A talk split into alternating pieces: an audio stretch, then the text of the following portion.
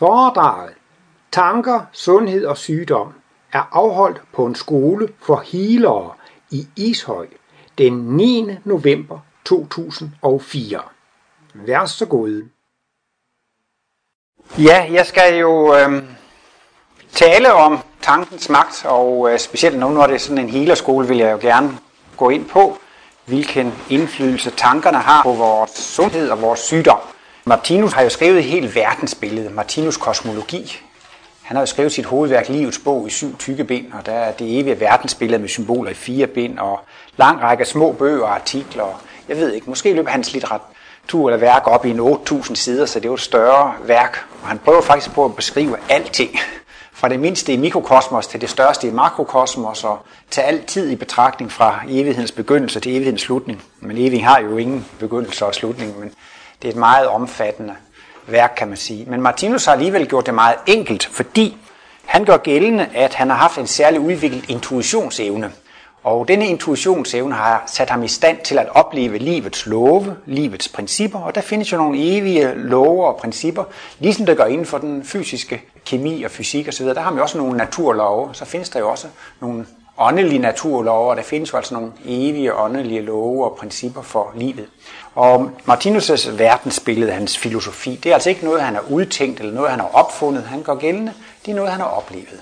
Så man kan sådan set sige, alt al beskedenhed siger Martinus, at det her det er ikke noget, jeg har fundet på. Jeg har bare haft en speciel intuitiv evne til at opleve de her ting, til at opleve livslovene.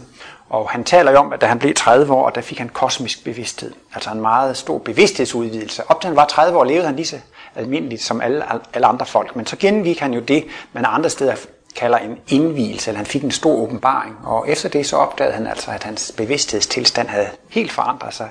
Han bruger selv det udtryk, at han fik adgang til vidensoceanet. Så når han stillede sig ind på sådan et eller andet spørgsmål, et problem, en problemstilling, så kunne han få svaret af åndelig vej.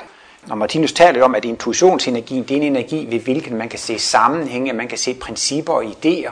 Det er næsten sådan en slags åndeligt røntgensyn, hvor man ligesom kan kigge igennem det hele og få essensen ud af det, så derfor, selvom livet er meget kompliceret, så gør Martinus det tit meget enkelt, og i forbindelse med øh, tankerne og sygdommen, så har han to øh, sætninger, som jeg synes så er utrolig enkle, hvor, hvor han skærer igennem det hele.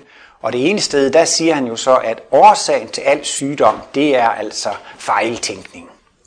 Altså, det kan selvfølgelig godt se ud som om, at man bliver syg af at drikke alkohol, men så må man jo spørge, ligesom i Jeppe på bjerget, hvorfor drikker Jeppe? Så altså det, selvfølgelig er det noget, det kan se ud som om det er fysiske årsager, men der ligger alligevel noget psykisk bag ved det. Så det er altså meget vigtigt, hvad vi tænker, fordi hvis vi tænker på en forkert måde, så sætter det sig altså, giver det sig tit til sidst udslag. Et andet sted siger Martinus, at meget enkelt, mangel på kærlighed er årsagen til al sygdom. Mangel på kærlighed er årsagen til al sygdom. Og øh, Martinus, han, øh, han beskriver jo et udviklingsforløb fra vi er primitive dyr til vi skal være det fuldkommende menneske. Og vi har altså ikke nogen fuldkommende mennesker på jorden lige for tiden. Men Martinus gør jo gældende, at Jesus har jo været her.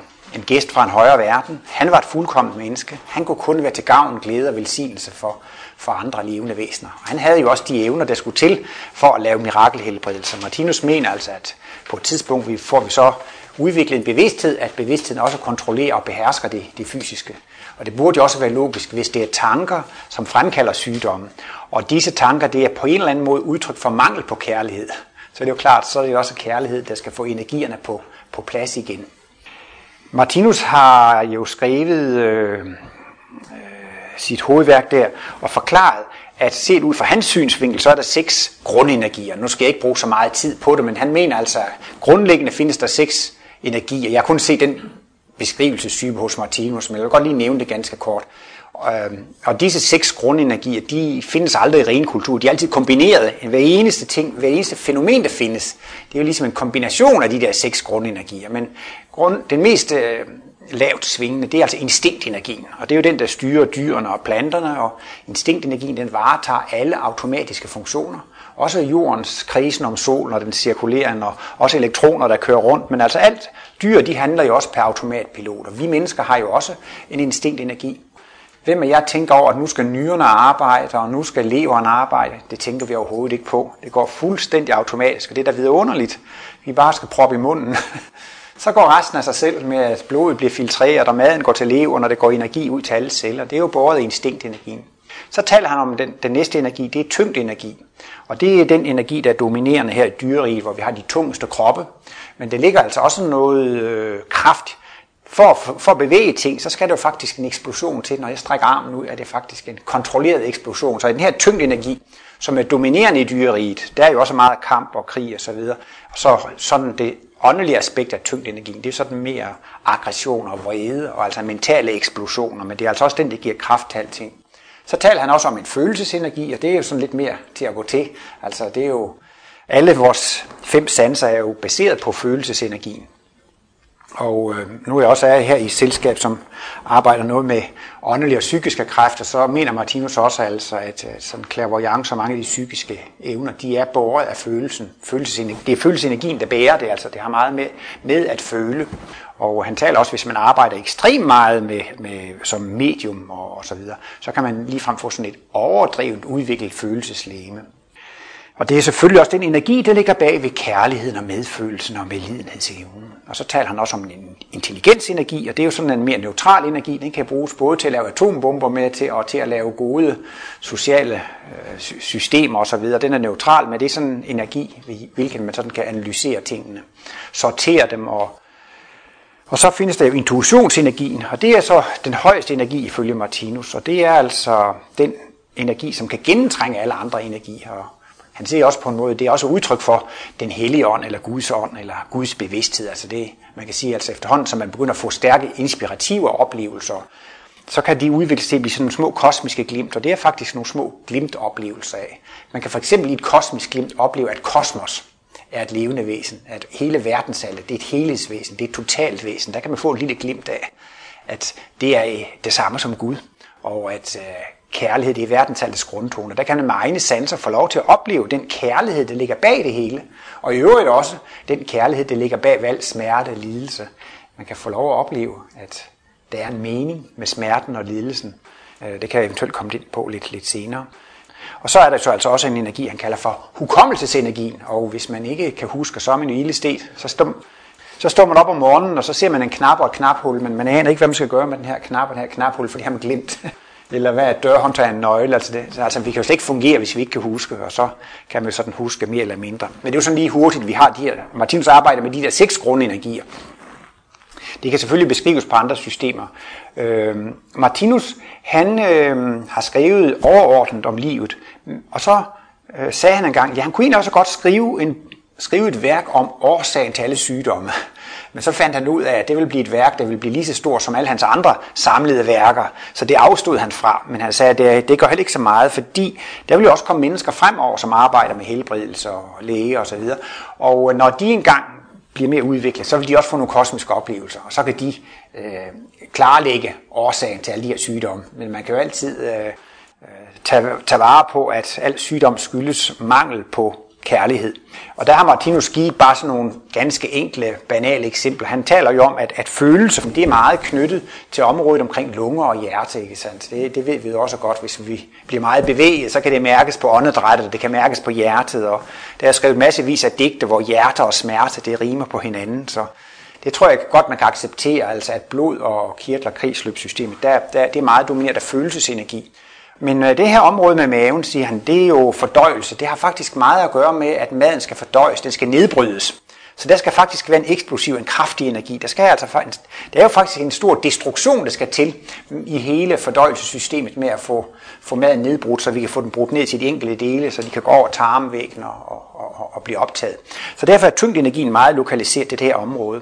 Og det gælder altså om at ligesom have balance i tingene. Han, han gør gældende, hvis nu for eksempel man er for vred, man er for aggressiv, man har alt for meget tyngdenergi osv., så, så, så vil de der, altså man har vrede tanker, men, men det gør altså, at den her tyngdenergi, som helst skal holdes på plads i fordøjelsesregionen, den kan gå ud af området, og den kan gå ind i alle mulige områder, så tyngdenergien kan for eksempel gå ind i øh, følelsesområdet, og øh, Martinus, det, jeg ved ikke hvorfor, men det er et af hans hyppigste eksempler. Han siger altså, at man kan få hjertefejl og hjertesvaghed, hvis man ikke kan kontrollere sit temperament. Og der er også nogen, altså, der bliver født med hjertefejl. Der er nogen ligefrem som børn, der bliver født med hjertefejl. Martinus arbejder jo med reinkarnationstanken og ser sådan på det, at hvis Der er nogen, der bliver født, men hvis et barn bliver født med en sygdom, så er det fordi, det har levet forkert i tidligere liv. Og det er altså det, man specielt skal passe på med, det er jo at have forkerte vaner. Fordi det er altså, hvis man bliver ved og ved og ved i lang tid og gør en fejl, så sætter det sig altså en, en effekt i helbredet. Og i dag er det også så meget op med det her med, at man taler om livsstil og livsstils sønder, ikke sandt? Og det er jo næsten jo ved at være et videnskabeligt dokumenteret faktum i dag. Hvis man næsten hele livet ryger, drikker, spiser fed mad, spiser mange søde sager osv., ikke? så får man diabetes 2 eller en lang række andre sygdomme, og det, det, det, det, det, det er sådan ret fastslået. Altså hvis man virkelig har en dårlig livsstil, så kan man allerede i det her liv se, at man bliver syg. Ikke? Så i virkeligheden, når et barn bliver født med en sygdom, så er det altså også egentlig livsstilssynder. Og det kan være livet før, men det kan også være, at man har haft en livsstilssynd i flere liv efter hinanden, som så gør, nu, vi ikke, nu hopper jeg lidt i det, men jeg kommer lige til at tænke på, at han taler for eksempel om migræne. Der er nogle mennesker, de kan blive født med en udbredt tendens til meget stærk hovedpine. Der taler han altså om, at det er mennesker, som, som, I, som øh, ikke har behandlet deres nervesystem så pænt. Vi skal jo sove for at blive øh, udviklet, og øh, vi skal specielt sove for, at nervesystemet skal repareres. Og hvis man skal reparere banen herude, så er man nødt til at stoppe trafikken, imens man reparerer banen. Og det vil sige, at hvis nervesystemet skal repareres, så skal vi ikke bevæge os, vi skal ikke røre os, og vi skal ikke sanse og opleve. Hver gang vi bevæger os, og hver gang vi oplever og sanser noget, så går der en strøm igennem nervesystemet. Så, så derfor skal vi sove for, at den ligesom kan så hjerne og nervesystem bliver repareret under søvn. Og så kan det være, hvis man får for lidt søvn, så mishandler man sit nervesystem. Det kan være, at man er stor forbruger af vækkeuger. Vækkeuger, det er ikke så godt, fordi at så bliver man vækket, før nervesystemet er repareret. Og det kan næsten blive en hel livsstil. Og til sidst så kan man vågne, uden at vækkeuret ringer på et bestemt tidspunkt. Men det behøver altså ikke at betyde, at man er udsovet. Det er fordi, det bliver en vane, at man bliver vækket. Og det er faktisk et attentat eller et anslag mod, mod, mod nervesystemet. Jeg ved fra mig selv, hvis jeg er meget stresset, har meget travlt og sover for lidt, bang, så får jeg hovedpine. Men øh, det sker jo en gang imellem, men det, hvis folk har det som livsstil, ikke? Så, så, så kan det altså sætte sig så alvorlige følger, ikke sandt? Så, så at, at man kan komme ind i næste liv med, med udpræget øh, tendens til, øh, til migræner og, og hovedpine. Øh, jeg så også engang en film i USA om nogen, som behandlede folk med hjertesygdomme, og det var sådan, sådan lidt, jeg ved ikke, hvad skal man kalde det, New Age, eller åndeligt, eller spirituelt, hvor de jo netop satte folk til at, at, at meditere og slappe af og, og tilgive osv. Og, og netop det, de kom ind på den bølgelængde, det gjorde jo, at de fik det meget bedre med deres øh, hjerteproblemer. Martinus også har været inde på, hvis nu for eksempel folk de bliver meget nervøse og stressede, det kan for eksempel være en person, som bliver udnævnt til direktør eller leder af en afdeling, og vedkommende kan måske lige knap nok klare det, men, men vil alligevel gerne. Og så bliver vedkommende så altså meget øh, nervøs og stresset over det her. Det vil sige, at vedkommende har ikke helt øh, styr over sine følelser. Og så, så, så, så, så kan følelserne gå ind i maveområdet, altså gå ind i et forkert område. Og øhm, jeg ved ikke, der, der kan man måske få mave, mavekatar eller mavesår eller så videre, så, så når, når de, de her energier går ind i et forkert område. Og det er også i øvrigt en anden ting, som øh, er interessant. Martinus han deler en sygdom i to stadier. Det første stadium, det er årsagsstadiet, og det andet stadium, det er symptomstadiet. Og årsagsstadiet, det er netop tankerne. Altså årsagen, det er tankefejlen. Det er den, der skaber sygdommen. Men det ved vi ikke om. Det kan være vedkommende, som, lad os nu tage det eksempel, der er en mand, som får en lederstilling, og så bliver han meget stresset og nervøs. Og da der går to år, så får han ondt i maven, og så har han fået mavesår. Så er der altså gået to år, før han får symptomet. Og så kan man sige, så er det altså for sent, fordi så når man har symptomer, så går det ondt, og så er man syg. Ikke? Så det er altså det andet stadium. Men årsagen til, at han har fået mavesår, det er faktisk, at han i to år har været nervøs og stresset. Ikke? Så, så det er ligesom altså, at det første stadium, der mærker man det ikke, fordi der har man bare nogle fejlagtige tanker, men man, har ikke, øh, man kan ikke mærke det i sin, sin krop endnu. Men omvendt kan man sige, at sygdom er jo en beskyttelse. Det er, den, det er det gelænder, der beskytter en mod at falde i afgrunden. Det er ligesom en rød advarselslampe. Det er ligesom en alarmklokke, der ringer. Ikke? Fordi så går det ondt her eller der. Så bliver vi klar over, at der er noget, der er galt. Så det er faktisk virkelig noget, der hjælper os. Og man kan udtrykke det lidt paradoxalt. Altså sygdom, det er vejen til sundhed. Altså fordi vi skal have lov til at lave en masse fejl, og vi skal lige mærke, at det er forkert, og det er forkert, og det er forkert. Så lærer man. Og sådan er det jo, når vi udvikler os af i den fysiske verden. Hvis vi ikke ved, hvad er rigtigt og forkert, så er det altså faktisk det her system med trial and error. Altså man må forsøge at se, hvordan resultatet er. Og sådan er det også i vores store udvikling. Så sygdommen hjælper os på ret vej. Og man kan også sige, at sygdommen garanterer os, at man kan ikke fortsætte med et misbrug eller gøre noget forkert, fordi så bliver man syg, og så bliver man på den måde stoppet eller, eller bremset op jeg, ved ikke, jeg har også lige nogle ganske få andre eksempler, men altså for eksempel har Martinus været inde på, at, øh, at øh, der er også en, en bestemt intuitionsenergi over kønsorganerne, og hvis man så begynder at blande intelligensenergi ind i det, og det kan jo så være, at man, altså, hvad skal man sige, man, man kommer ind på en eller anden pervers løbebane, hvor man begynder at spekulere over, hvad man skal gøre med børn, eller så skal man øh, gå, gå nøgen i toget, eller jeg ved ikke, altså folk begynder at få en hel masse sådan seksuelle, seksuelle øh, fantasi og så videre, altså det seksuelle for eksempel, det skal jo helst sådan bare gå automatisk og naturligt. Der skal man ikke begynde at sidde og tænke og udtænke og lave planer og idéer og så videre. Så det kan altså også godt give, give årsag til, øh, til sygdom ved kønsorganerne. Jeg læste øh, en gang i en svensk avis om en kvinde, som var blevet seksuelt misbrugt af sin far. Og hun skrev altså en meget hadsk og en meget vred bog om sin far og det misbrug, hun har været udsat for. Men i slutningen af bogen skrev hun, det, men det ser der ud til, at der er en lille smule retfærdighed i livet, fordi hendes far døde i en peniscancer. Og så tænkte jeg, at altså sådan ud fra Martinus, så er det altså ikke helt tilfældigt, ikke? fordi han må jo også have haft nogle forkerte tanker i forbindelse med det seksuelle, ikke? som så alligevel har gjort, at, at blev der, at han udviklede sin sygdom, fordi han har haft noget, øh, noget fejltænkning. Men det er altså bare sådan meget sporadisk, hvad jeg sådan lige har nævnt her, Martinus, fordi han gik ikke ind på den specifikke årsag til alle sygdomme, men, men jeg synes også, at det, det er godt at vide det helt generelle. Øhm, men der er jo øh, en, som hedder Louise Hay, og jeg har bladret og læst hendes bog, det, er en, det hedder Helbred dig selv. Jeg vil gå ud fra, at der er flere i selskabet, der kender den her bog, Louise Hay, Hay Helbred dig selv. Ellers så kan jeg altså sige, at, at, at princippet er den, at øh, hun har ordnet en lang række sygdomme i alfabetisk rækkefølge. Det er altså symptomer, det er sygdommen. Det er jo første kolonne. Så er der anden kolonne. Det er den tankefejl, som har fremkaldt sygdommen. Og den tredje kolonne, det er så den tanke, man skal lære at tænke for at rette det op igen. Og om hun har ret i alle de ting, hun skriver, det kan jeg ikke sige ud fra Martinus kosmologi, men jeg kan sige ud fra Martinus kosmologi, princippet, det er fuldstændig rigtigt. Det er fuldstændig rigtigt. Så arbejder hun ikke med de energier. Hun tager det sådan meget lokalt og meget konkret. For eksempel, hvis, hvis nu man er meget streng mod sig selv og så videre, så, så er det ikke noget sødme eller noget glæde ved livet. Altså man, man sørger ikke for rigtigt at give sig selv glæde og sødme i livet. Det må man selv sørge for. Og hvis man ikke sørger for det, så kan det eventuelt give øh, pankreas, altså så kan man få noget øh, diabetes, fordi at, at det sætter sig på det der, sådan i hendes forklaring. Jeg har selv nogle, jeg har jo sådan forskellige småskavanker, og der er nogen i min familie, der har forskellige småskavanker. Jeg synes, det passer meget godt, øh, det der står i den bog.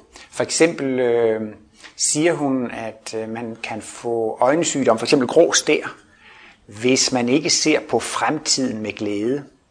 Der er også en i min familie, som har bekymret sig så meget. Ikke? Hvordan skal det dog gå, og hvordan skal det dog gå, og bekymret og bekymret. Det gør jo så faktisk, at, at vedkommende ser ikke på fremtiden med glæde. Ikke? Og på en eller anden måde, så, så hæmmer det altså en, en synsfunktion. Det er ligesom noget, man ikke vil se. Man, vil, man, man, vil, man er ikke indstillet på, hvad der skal ske i fremtiden. Man vil, man vil helst lukke af for det.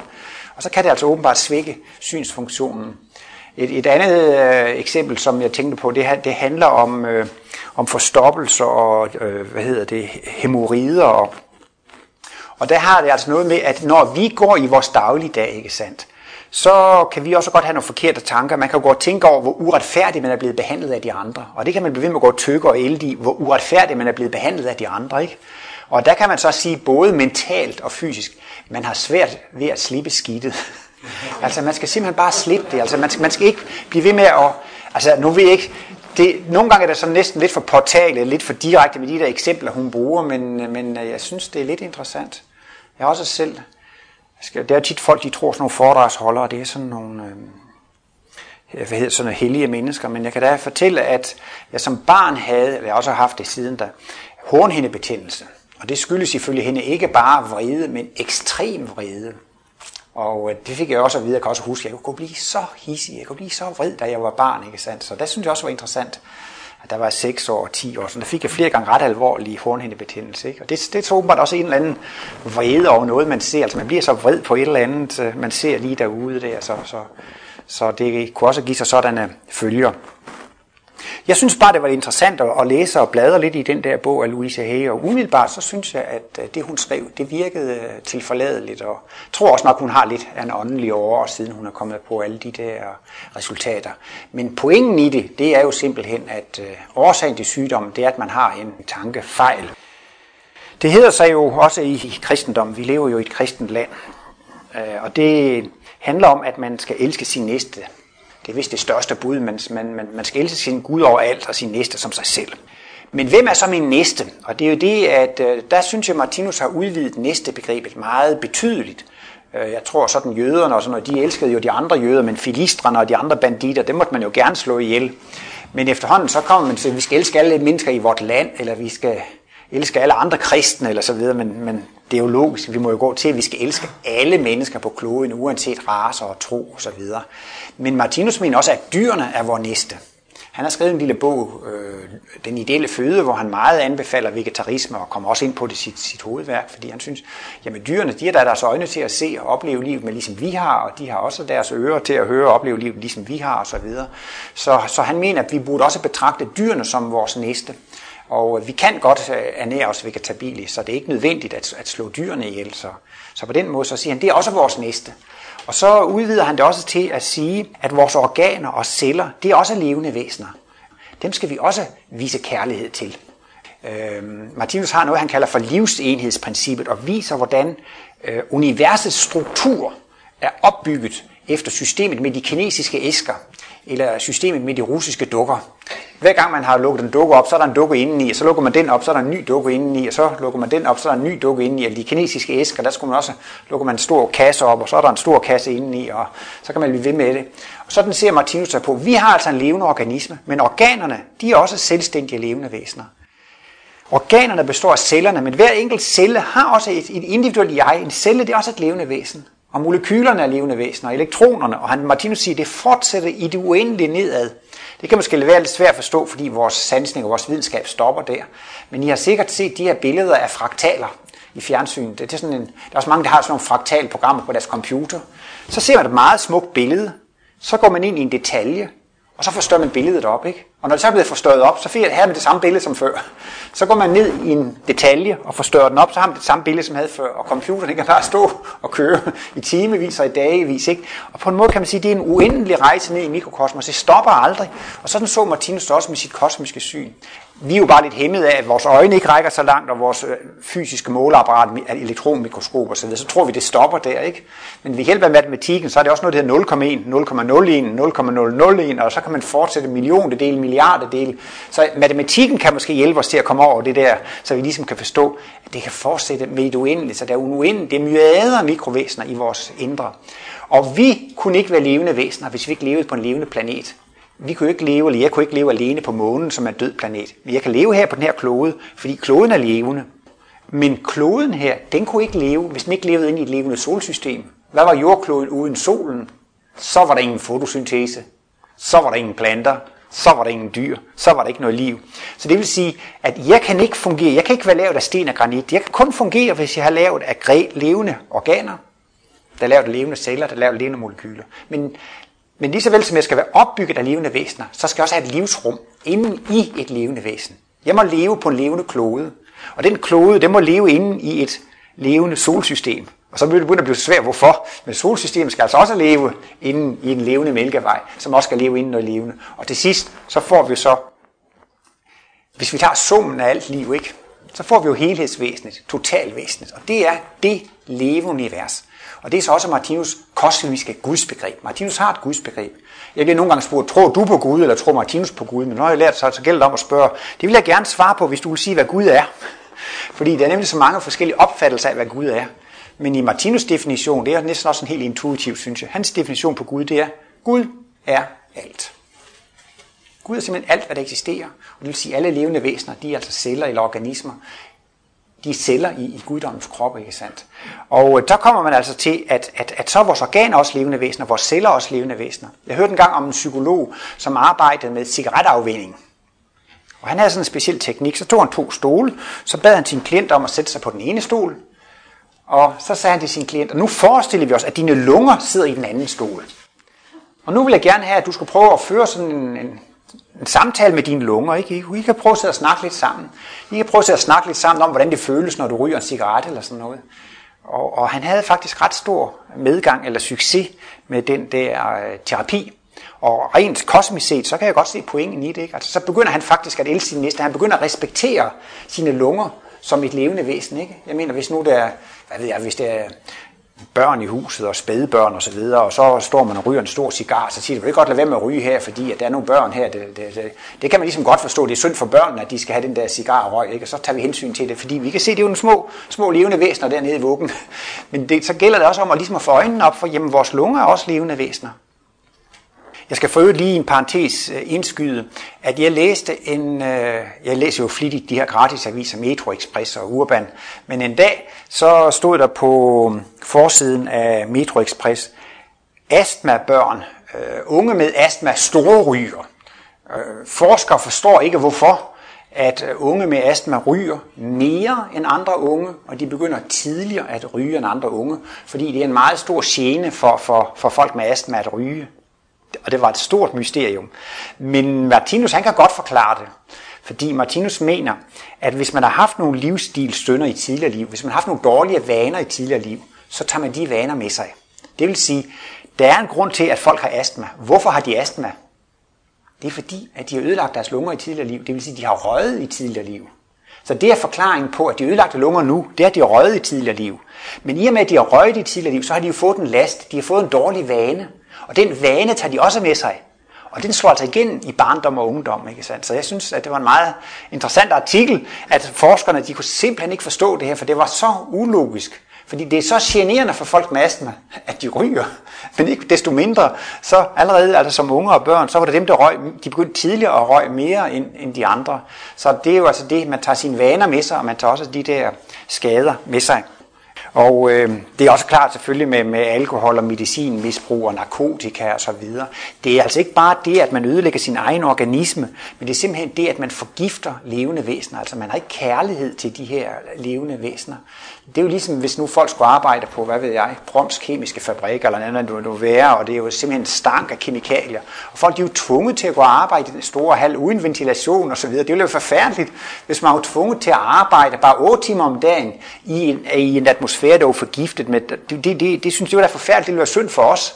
Men sådan behandler vi faktisk små mennesker nede i vores verden, hvis vi drikker os fulde eller ryger eller, eller på en eller anden måde. Så har vi ikke fået øjnene op for, at det faktisk også er en overtrædelse af næste kærlighedsbud. Og det nævner jeg bare lige for netop, for endnu en gang lige at komme ind på det, man Martinus siger jo altså, at, at al sygdom skyldes mangel på kærlighed. Ikke? Og det kan altså også være mangel på kærlighed til vores mikrovæsener. Man taler jo om, at øh, der er liv i den åndelige verden, og så har vi også liv her på det fysiske plan. Men sådan set på en meget speciel måde, så er der faktisk ikke liv på det fysiske plan. På det fysiske plan der er der bare døde partikler. Men nu siger vi jo, dyrene og vi mennesker, vi lever her på det fysiske plan. Men hvad er det egentlig, det gør, at jeg kan bevæge armen? Hvad er det, at, det gør, at man kan bevæge sig? ikke? Det er jo, at man er besjælet. Ikke? Når man dør, så trækker sjælen sig ud. Og så bevæger livet sig altså ikke mere, så sker der ikke mere. Så hvad er det, der gør, at de fysiske partikler bevæger sig?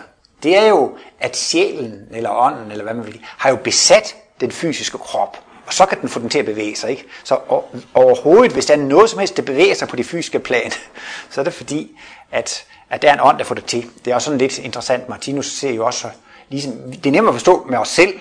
Vi kan kun bevæge os og være levende, så længe sjælen er i kroppen. Men jordkloden, den har det også på samme måde. Den har også en fysisk organisme. Alt, hvad der har med meteorologi at gøre, altså med, med, med, med vejret og, og også med vulkanudbrud og alt muligt andet, det er også livsprocesser inde i, i, i jordkloden.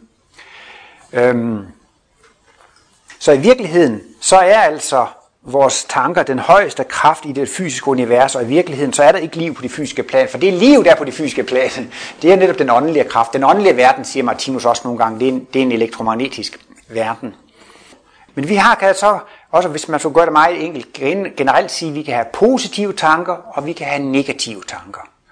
Og øh, de positive tanker, det er tanker, jo, som giver udtryk for, at man synes, at livet er dejligt, livet er skønt, det er dejligt at eksistere. Man kan ligefrem synes, at livet det er noget godt, livet det er en fordel for mig, livet det er alle siders, og man synes, man er simpelthen bare glad, tilfreds. Man er måske også ligefrem lykkelig og taknemmelig for livet, ikke sandt? Det giver positive tanker, men det har meget stor betydning generelt set på hele sundhedstilstanden, fordi det giver livskraft og livsmod og livsløst. I stedet så har Martinus en interessant definition på livsløst. Han siger, livsløst, det er det samme som glæden ved at være til. Det synes jeg var sådan lidt, lidt frapperende og lidt overraskende. Livsløst er det samme som glæden ved at være til.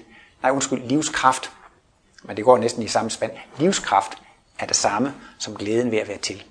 Og han taler også lige frem om, at vi sådan i vores overbevidst har, har noget, han kalder for et livskraftbatteri.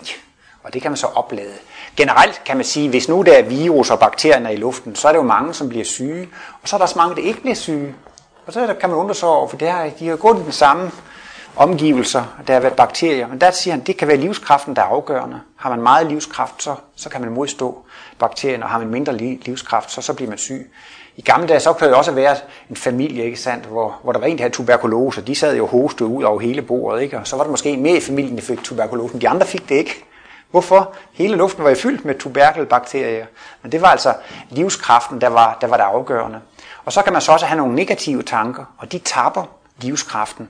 Og det er interessant, i vore dage, der taler man så meget om depression og træthed og udbrændthed og træthedsdepression osv. Altså man har virkelig fået inden for lægevidenskaben næsten et helt nyt problem, eller i hvert fald man er nødt til at finde nogle nye diagnoser i hvert fald, for der er kommet nogle mennesker, de er simpelthen så dødtrætte, de er deprimerede osv., de kan simpelthen ikke klare deres job, ikke sandt? man undrer sig lidt over, hvad der er, der er galt med dem. Men jeg mener i hvert fald, man helt sikkert kan sige, det er fordi, at de har negative tanker. Så kan man så spørge sig, hvorfor er der overhovedet noget, det her positive tanker og negative tanker? Hvorfor tænker man ikke altid positivt? Og der er det jo, Martinus beskriver et stort udviklingsforløb. Og bare lige for at tage to yderpunkter, kan man sige, i midten af dyreriet, der er man 100% egoistisk. Man har en selvopholdelsesdrift. Der er ingen socialhjælp i dyreriet. Der er ingen, dyre, der er ingen hospitalsvæsen i dyreriet. Hvis man skal klare sig, så skal man klare sig selv. Så et rigtig godt et mønsterdyr, et dydigt dyr, et dyr, der opfører sig som det skal. Det skal være egoistisk, det skal sørge for sig selv, og det er naturens gang. Men øh, vi udvikler os altså så fra dyreriet frem imod større og større fuldkommenhed. Og et fuldkommet menneske, det er et kristusvæsen. Det er et væsen, som kun kan være til gavn, glæde og velsignelse. Det er simpelthen mod, det modsatte, altså det største for et kristusvæsen, det er at kunne tjene andre, det er at kunne hjælpe andre. Og Martinus betoner også tit, man kan kun blive lykkelig ved at gøre andre lykkelige. Det var sådan en lille parentes, da jeg kom ind på hovedbanen. Jeg er så ivrig efter at komme i aviserne og fjernsyn og sådan noget, så nogle gange bliver ens ønsker, ønsker opfyldt. I kender godt TV2-udsendelsen, den der 19... Nej, God aften Danmark hedder den. Og så stod der også en der på trappen der, det var lige ved den 22. december, jeg skulle hjem til Jylland og holde juleferie. Ja, må jeg lige stille dig et spørgsmål? Ja, uha, det må du sandelig gerne. ja, øh, ja men øh, han vil gerne spørge, hvordan man bliver lykkelig. Så havde jeg mit Martinus-citat, så kører man så lige der de der 15 sekunder op ad trappen, og så kan man få lov til at svare der. Så kom jeg med mit Martinus-svar. Ja, man kan kun blive lykkelig ved at gøre andre lykkelige. Og så var der en 3-4 mere, der kørte op ad trappen. Men studieverden, han huskede mit svar og refererede lige til det der svar, inden han gik videre, at man kan kun blive lykkelig ved at gøre andre lykkelige. Men det er altså den direkte modsætning til dyreriet, ikke? Altså det er det, at man lever for de andre, man tjener de andre, man hjælper de andre, og i dyreriet, der har man bare hjulpet sig selv. Og det er jo altså simpelthen en kolossal transformation, vi er i gang med. Vi er ved at blive forvandlet fra at være 100% egoister til at være 100% altruister. Og det er jo egentlig et, et, et kolossalt spændingsfelt. Det er jo en total omvæltning. Den går selvfølgelig over tusinder af inkarnationer. Men Martinus ser de nuværende mennesker på jorden som svingsvæsener. I kender jo den her svings, der ligger nede ved pyramiden. Og det er jo et mystisk øh, skulptur, fordi den har et menneskeansigt og en dyrekrop. Men Martinus mener, det er et symbol på menneskene på det nuværende udviklingstrin. Vi har altså visse menneskelige sider udviklet, og så har vi visse dyriske sider. Så vi er altså en krydsning eller en bastard. Vi er altså en krydsning eller en bastard mellem dyreriget og det rigtige menneskerige. Men vi skal altså udvikle os frem til at blive gudevæsen, eller kristusvæsen, eller kærlighedsvæsener fra det. Og der er det så, at nu er vi kommet så langt frem i vores udvikling, at vores tanker og vores organisme kan tåle, hvis vi bliver for dyriske, eller for primitive, eller for egoistiske, så, så, så, så, så, så, så at vi bliver så forfinet, at vi ikke kan tåle sådanne grove tankearter. Og øh, den mest hyppige tankefejl i dag, det er, at man føler sig uretfærdigt behandlet. Og det vil jeg også tro, hvis, hvis nogen af jer allerede behandler, eller hvis I bliver behandlere, så vil man komme til at se, at mange klienter lider af offertænkning. Der er så mange, som går til behandlere, og hvis man så snakker lidt med dem og, og går ind på det, hvordan deres verden er, så er det altså tit, de føler sig uretfærdigt behandlet, de føler sig som offer. Jeg kan også lige sådan, det er jo en privat kris, så kan jeg godt fortælle, at jeg er fisk, og astrologisk set, så er det noget, der er meget karakteristisk for fisk. De siger, åh, hvor er det synd for mig, og stakkels mig. Så det er også noget, jeg tager det så tit op i mine foredrag, og jeg tager det altså også op i det her foredrag. Man synes, det er så synd for mig. Og øhm, man kan blive geni i at se, at det er de andre, der er skyld i mine problemer. Ikke? Altså, det er jo fordi mine forældre ikke gav mig chancen, og det er fordi min chef er autoritær, og det er fordi, at så begynder man, det, det, det, det, det, det, det er de borgerlige skyld, og det er Socialdemokraternes skyld, og det er værets skyld, og det er min kones skyld, og min mands skyld, og børnenes skyld. Og man, man bliver simpelthen geni i at lægge skylden på andre. Men det er naturligt nok, at man gør det, hvis man har et materialistisk livssyn, og kun har de fysiske øjne at se med. Ikke? Hvis nu det er helt galt, men man skal amputere et ben, og lægen amputerer det forkerte, så kan man virkelig sige, at lægen ødelagde mit liv. Eller hvis man tager et andet eksempel, man er ude og gå på gaden, og så kommer der en spritbilist og kører en ned, og man kommer til at sidde i rullestol. Jamen så siger man jo, at det var dem, der ødelagde mit liv. Jeg kender en dame, som blev over 90 år, og hun fik en operation som 20-årig på nyren, og lægerne lavede en eller anden fejl. Resten af sit liv, så gik hun og sagde, at det var lægerne, der havde ødelagt hendes liv. Og hun, hun led i hvert fald af træthed. Hun var så træt hele livet, men på trods af sin træthed, så blev hun altså over 90 år. Men det kan selvfølgelig også godt være, at det var fordi hun hvilede så meget, fordi hun var så træt. Men, men det er alligevel interessant at se, at, at, at sådan kan det gå. Man kan spørge sig, jamen hvad har det egentlig hjulpet hende hele tiden at gå og synge den her sang med? Det var lægen, der ødelagde mit liv. Det var lægen, der ødelagde mit liv. Ikke? Sådan ser det ud for et fysisk syn. Og man må da også godt tænke det og sige det. Men hvad hjælper det? Ingenting. Man kommer simpelthen bare til at gå i de her negative tanker. Martinus bruger ligefrem det udtryk, man kan danne et mentalt fængsel. Det vil sige, at man kan gentage og gentage og gentage de der tanker. ikke. Og så er det altså ligesom, når det er vaner og laster, det begynder at gå automatisk. Man kan også sige, at hvis man træner og træner i at spille klaver, til sidst så går fingrene automatisk, så er det godt. Så, så det, man kan gøre mange ting. Altså, hvis man optræder nogle gode færdigheder, så går det næsten automatisk, fordi man træner meget. Men det er ikke så godt, hvis man træner i at tænke negativt, fordi så begynder man også at blive virtuos i negativ tænkning. Og så kører de der negative tanker, og så danner de altså det, Martinus kalder et mentalt fængsel. Man kommer ikke ud af det, man kommer til at leve i en meget lille og snæver verden. Og det er så altså også det, man kalder for martyrtanker. Man vil gerne være en martyr. Hvis man ser sådan på de gamle kristne der, så er det jo noget med, at de urkristne martyrer, de havde ikke gjort noget forkert. De troede på Jesus, men ikke desto mindre, så blev de slået ihjel. Ikke? Sådan et billede vil man gerne have sig selv. Jeg er uskyldig. Jeg har ikke gjort noget forkert. Det er de andre, som gør forkert hele tiden. Ikke? Og sådan er det også, når der er problemer og konflikter. Man ser fejlene hos de andre. Jesus var jo også klar over problemet. Han sagde, at vi kan se splinten i vores broders øje, men ikke bjælken i vores eget. Altså, vi er så ivrige efter at finde fejl hos de andre, og man glemmer helt at se på sin egen. Og det er også lidt, jeg synes, man får lidt hjælp fra psykologerne i kraft af det, de kalder for projektioner. Hvis der er en mand, ja, men altså ham, min chef, han er helt forfærdelig, han er så autoritær, og han afbryder altid, og man er så vred over den her chef. Ikke? Men hvis man så fik lavet sin egen psykologisk profil, så ville, det, så ville det vise sig, at det er det, jeg selv har problemer med. At jeg afbryder andre, og jeg er for autoritær osv. Så, videre. så det er meget interessant, at de fejl, som vi ikke vil se ved os selv, dem ser vi hos andre. Og når vi ser vores egne fejl hos andre, så bliver vi altså vrede over det. Det er sådan en meget sjov eller en meget interessant mekanisme, Ja, det er jo en spejling altså, og, og øhm, men Martinus siger, at øh, det er naturligt nok, fordi hvordan kan man se det anderledes? Når man ser med de fysiske øjne, så er det jo dem, der er skyld til det. Det kan også være, at det er en kvinde, hvis mand er alkoholiker osv. Og de har alverdens problemer i familien, ikke? Så det er jo klart, at det er manden, som er skyld i problemet. Eller man har et par børn, og den ene af dem er adfærdsvanskelig, og en værre lille bandit, ikke? Masser. og hvad sker der nu? Altså så er det altså ligesom barnet der, som er skyld til alle familiens problemer. Ikke? Og sådan ser det ud fra det fysiske øje. Og så kommer man meget nemt til at falde i de her martyriumstanker, offertanker. Stakkels mig, var det synd for mig, og det er de andre. Og så prøver man på at rette på de andre. Hold op med det, eller vær med det, eller vær med at drikke, eller vær med at blive så vred, eller vær med at afbryde. Og så prøver man på at gå ret på de andre. Erfaringen viser, at man kan ikke ændre på de andre. Men man har gode muligheder for at ændre på sig selv. Men det er du ingen grund til, for jeg er uskyldig. Jeg er jo ren. Jeg har ikke gjort noget forkert. Ja, så, så på den måde, så kommer man altså i, i en uheldig situation. Og Martinus siger, at disse tanker fører til unaturlig træthed. Hvis man øh, har arbejdet hårdt rent fysisk, så kan man blive meget træt. Men det skal man ikke være ked af, for det kan repareres. Man skal bare hvile sig, og man skal sove naturlig træthed ved fysisk aktivitet kan repareres med søvn og hvile. Men der findes en anden træthed, som ikke kan repareres med søvn og hvile. Og det er den såkaldte unaturlige træthed.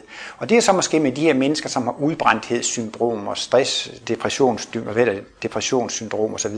De er simpelthen bare så trætte, og så ligger de på sengen og sofaen 10, 12, 14 timer i døgnet, og det hjælper ingenting. Det er fordi, at årsagen til denne træthed ligger ikke i det fysiske, årsagen ligger i det psykiske, og så er det, at man må til at arbejde med sig selv. Og der er det så Martinus, han kan jo så se, og det er selvfølgelig også kendt mange andre steder, men Jesus han taler jo om, at vi må, vi må høste, som vi selv har sået. Og det, man gør det mod andre, du vil have, de skal gøre mod dig. Og de energier, man sender ud, de kommer tilbage. Og Martinus taler altså om skæbneloven og karmeloven, og han kunne se det rent fysisk. Nej, ikke rent fysisk, men han kunne se det altså med sit kosmiske syn, med sit kosmiske synsevne kunne han se de energibuer, som gik ud og kom tilbage til mennesker. Og der er det så, der har man det reelle. Og det vil altså sige, at det er ikke de andre, som er årsag til mine problemer. Det er en energi, jeg selv har sendt ud, og det er en energi, der kommer tilbage til mig selv. Og så er det jo så dejligt, som Martinus ser på det, at det ikke er en straf. Livet er ikke en hævnmaskine eller en strafferobot. Altså, nu skal man betale tilbage. Det der pointen ved den fysiske verden, det er, det er en skole, hvor man skal udvikle sig til at blive fuldkommen. Det er livets pædagogik, at det man har gjort er godt mod andre, det kan komme tilbage med godt. Det virker jo selvforstærkende. Og, og det ubehag, man har gjort med andre, det er godt, man selv kan få lov til at opleve det. Jeg er tit såret mine venner, og så kommer de og siger, du skulle bare vide, hvor du sårede mig, da du sagde det og det. Ja, men jeg troede der ikke, og det er vist der ikke. Nej, det er det. Vi ved tit ikke, hvordan vi virker på andre. Men takket være skæbneloven, så får vi lov til at opleve det så er det jo det, så har vi mulighed for at justere vores adfærd, og mulighed for at opføre os på en anden måde, når vi selv får lov til at smage på, hvordan det har virket mod andre. Og øh, det, der er det aller, aller vigtigste skridt ud af denne unaturlige træthed, ud af den her depression, det er helt enkelt, at man siger, jeg er selv årsag til min egen skæbne. Så garanterer Martinus med, så begynder livskraften og livsløsten at vende tilbage. Jeg er selv årsag til min situation. Jeg er selv årsag til min skæbne. Men det indebærer også, så skal man holde op med at kritisere de andre. Det er ikke den alkoholiker der, det er ikke det barn, og det er ikke den chef. Det er ikke dem. Det er min egen energi, som kommer tilbage. Og den kommer kun tilbage for at lære mig noget. Jeg skal lige omtale en anden kosmisk lov, og det er loven for beskyttelse. Der er sådan, at vores aura beskytter os. Der findes nogle beskyttelsesregler, og loven er simpelthen så, så den beskyttelse, jeg giver andre, den beskyttelse får jeg selv. Man er selv beskyttet i samme grad, som man beskytter andre. Hvis man ikke kan dræbe og myrde andre mennesker, så er man beskyttet mod at blive dræbt. Altså, og der kan man sige, så, så, så ligger beskyttelse også i ens aura. Hvis man for eksempel godt kan lyve og stjæle og bedrage osv., jamen så har man ikke nogen beskyttelse på det område. Og derfor er det også, altså set ud fra, sådan som Martinus ser det, så er det så, at alt i livet har en mening. Og det vil sige, at hver gang vi får smerter og lidelse, så har det en mening. Det er noget, vi skal lære af. Men øh, hvis det er sådan, der er også nogle områder, der er nogle, de kan ikke stjæle og dræbe osv. Øh, de er færdigudviklet på det område, og så er de beskyttet. Der kan de ikke få smerter og lidelse. Man får kun smerter og lidelse på områder, hvor man kan lære af det. Hvis man fik smerter og lidelse på områder, hvor man ikke kunne lære noget af det, så var det stået slemt til. Så var livet en torturanstalt. Så var livet jo, så var Gud jo også en forfærdelig sadist. Det er jo ren sadisme at påføre nogen nogle lidelser fuldstændig uden mening.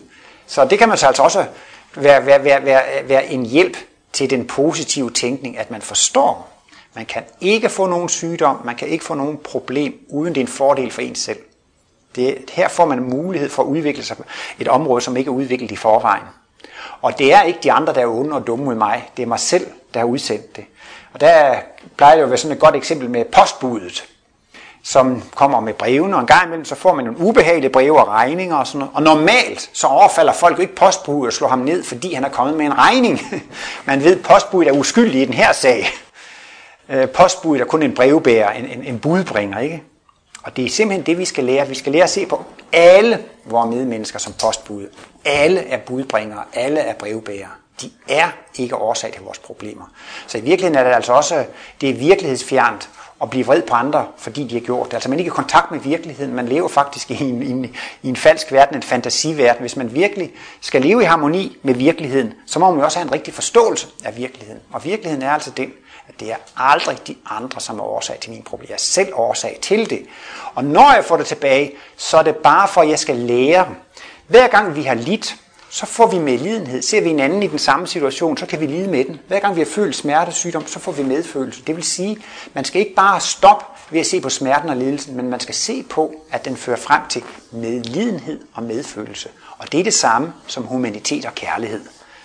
Så Martinus har sådan en flot formulering. Al smerte, lidelse, sygdom, det giver mennesket den mest guddommelige evne, det kan få, nemlig humanitet og kærlighed. Så jeg siger også nogle gange til mig selv, når jeg ser øh, krigen på Balkan og Irak og bomber og ulykker, man bliver så ked af at se alle de der ting. Men så siger jeg til mig selv, med Martinus ord, sådan skaber Gud rigtige mennesker. Man kan bede for dem og tænke positivt for dem, men man skal også forstå, at krigen er ikke meningsløs. Det er nogle, det, I dag er det også mennesker, som dræber andre, så er de jo kandidater til selv længere frem at blive dræbt. Men for hver krig, der har været, så er der nogen, der siger, nu vil jeg ikke krige mere, nu vil jeg ikke dræbe mere. Efter første verdenskrig, da de er gået rundt i skyttegraven i det helvede i overvis, så er der mange, der sagde, jeg vil ikke krige mere. Efter anden verdenskrig var der mange, der sagde, jeg vil ikke krige mere. Efter Vietnamkrigen. Men der er også mange, der stadigvæk bliver ved med at gå i krig. I kan jo se, nu har der lige været præsidentvalg, hvor Bush jo siger, nu skal de slås ihjel, de her terrorister. Vi skal, så der er også nogen, der stadigvæk har, jeg vil lige ved at sige noget sportsånd, men, øh, men altså, som, som er parat til at gå ud og, og dræbe. Men, men altså, krigen vil udrydde sig selv, fordi for hver krig, så er der flere og flere, der bliver pacifister. Det har en virkning, og det er så det, man skal prøve, og det er jo også faktisk, kan man sige, det er jo noget af det magiske og det mest høje i livet. Det er jo at få et bedre gudsforhold og bede til Gud, ikke sandt? Der kan man få Gud med i tingene, så kan man klare det på en helt anden måde. Martinus har skrevet en bog, der hedder Bøndens Mysterium, og forklarer, hvor stor betydning det har, at man kan bede om at få kraft og styrke og energi. Jeg vil også sige, at når man arbejder med healing og sådan noget, så er det også yderst effektfuldt, at man beder til Gud om at få hjælp til at, at, at helbrede det her menneske osv. Der, altså, der er virkelig meget stærk og kraftig energi i, at man retter sin bevidsthed mod guddommen. Og så kan I også godt se, så bliver det jo helt fabelagtigt, når man er i sine værste smerter og lidelser og problemer.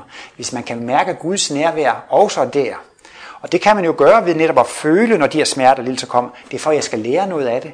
det og man kan ligefrem komme dertil, at man takker for smerterne og lidelserne og problemer, fordi det lærer en, det har en effekt, det hjælper en fremad.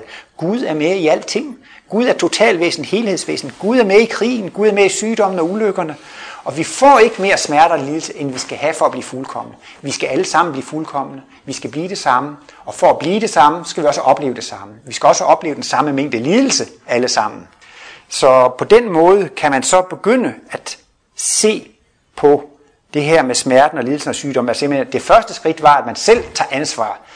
Det gør voksne også, når de skal opdrage børn. Nu får du din lompenge nu, og nu får du 50 kroner, og hvis du køber den der bamse med det samme, så har du ingen penge resten af ugen. Så må du selv om det. Vi prøver jo ligesom på at få børnene til at tage ansvar for det, de gør, ikke?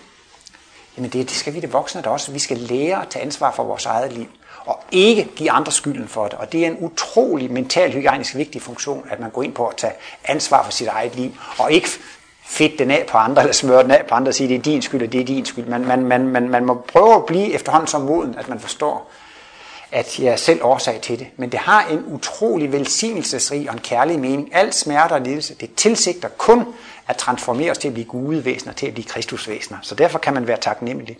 Martinus siger så også, at ved den indstilling vi helt af bønden, kan man efterhånden komme til at opleve, at ens problemer bliver bagateller. Men altså, lad os nu sige, at man har en smerte og en lidelse. Den er der måske, den forsvinder ikke, men man kan måske lære at tage det på en anden måde. Det kan også være, at man er i en situation, som man oplever som et stort problem. Men det er måske ikke så stort et problem. Man kunne lære at tage det på en anden måde, hvis man så på det på den måde der. Så det handler kosmologien selvfølgelig også meget om, når man siger kosmologi. Det er jo læren om kosmos, det er også læren om det levende univers, og det er også læren om guddommen, ikke sandt? Og det er jo så, Martinus er efterhånden inde på, at, øh, at vi efterhånden skal få et mere personligt gudsforhold. Altså i tidligere har det jo været meget med præster og provster og biskopper og paver og, og helgener, og det har været så mange mellemmænd, imellem en selv og guddommen og ceremoni og så videre, men efterhånden, som vi faktisk bliver mere udviklet og udvikler vores intellektualitet, så begynder man mere at bare skulle forholde sig selv personligt til guddommen, uden at have mellemmænd, så at sige. Så man får et mere og mere personligt øh, gudsforhold. Og øh, det er jo så også det der til sidst, altså når vi øh, kommer længere frem i udviklingen, Martinus mener i hvert fald, at det var egentlig ikke så lang tid igen. Øh, om 3000 år, så vil hovedparten af denne klodes mennesker have kosmisk bevidsthed og være fuldkommende. Så, så øh, Og det vil så sige måske allerede om 2000 år, 1500 år, 2000 år, han satte ikke sådan, sådan aktivt, men så begynder folk, altså at, at pionererne også at, at få kosmisk bevidsthed eller at, at blive fuldkommen. Og det, det gør, at man får kosmisk bevidsthed, får lov til at ind, opleve indvielsen eller fuldkommenheden, det er selvfølgelig det, at man er blevet et kærligt og humant væsen. Ikke sandt? Jesus sagde også, salige er de rene af hjertet, til de skal se Gud. Og hvad betyder det? Ja, at være ren af hjertet, det er jo simpelthen det, man ikke er vred, og man ikke er sur på nogen. Man giver ikke nogen skylden, man har ingen fjender, man har ingen uvenner. Man kan se hver eneste levende væsen, det er en celle i guddomsorganisme. Det onde findes ikke. Der findes ikke djævler og onde magter. Det er alt sammen Gud, der taler til mig. Det er ikke behageligt alt sammen, men øh, det er alligevel godt. Det er smerten er lidt et ubehageligt gode, fordi det hjælper mig fremad alligevel. Og det er det, det drejer sig om at se. Der er ikke noget ondt, der er ikke nogen djævel og så videre, men det er noget ubehageligt. Men man skal lære at se det som et ubehageligt gode. Derfor deler Martinus alle livsoplevelser i det behagelige gode og det ubehagelige gode. Men begge dele er goder, og derfor kan Martinus altså også sige, at alt er så godt. Og det er så også det, udvikling fører frem, at man selv begynder at kunne se det gode i alting. Og det er jo netop ved at forbedre sit gudsforhold og sit forståelse af, hvordan livet fungerer osv., at se, at Gud er med i det hele, så begynder man også selv at kunne mærke, at alt er så godt. Og det vi altså udvikler os frem til, det er altså at have en humanitet og en kærlighed, så man virkelig kommer på bølgelængde med den åndelige verden, som er domineret af, af, af kærligheden. Og så skal jeg også bare lige slutte af med, at øh, det er ikke bare det, at man skal være human og kærlig. Det er altså også det, at man skal føle lykke og glæde ved livet og tilværelsen. Der er et tidsskrift fra Martinus Institut, som hedder Kosmos, og øh, der hæftede jeg mig ved et par sætninger i Kosmos nummer 1, 2003. Der har han skrevet en artikel, som hedder Søndernes forladelse, og der prøver han så at skitsere, når vi sådan kommer længere frem i udviklingen, så er der nogle mennesker der, de har det egentlig meget godt. Det går dem godt. De har et dejligt hus og en dejlig ægtefælle og bil og arbejde og så det, De har sundhed. De har, det, de har det godt. Og de, de er faktisk glade for, at de har det så godt. Og vi får det også bedre og bedre. Og så, så tænker de mennesker, ja, det burde man jo sige tak for. Skal man sige tak ud i den blå luft, eller skal man sige tak til livet? Eller... Men så efterhånden, ja, så kommer de på måske, at man kan takke livet, at man kan takke universet, ikke sandt? Altså man kan føle en lykke og en glæde ved, ved tilværelsen. Man kan simpelthen begynder at sige, jamen livet er jo godt, livet er jo en fordel. Livet er i virkeligheden noget, der bare eksisterer til fordel for mig. Livet er, er min ven. Det er kun noget godt. Og så siger han jo altså, at, at det kan få sådan en lykke og en glæde fornemmelse ved livet.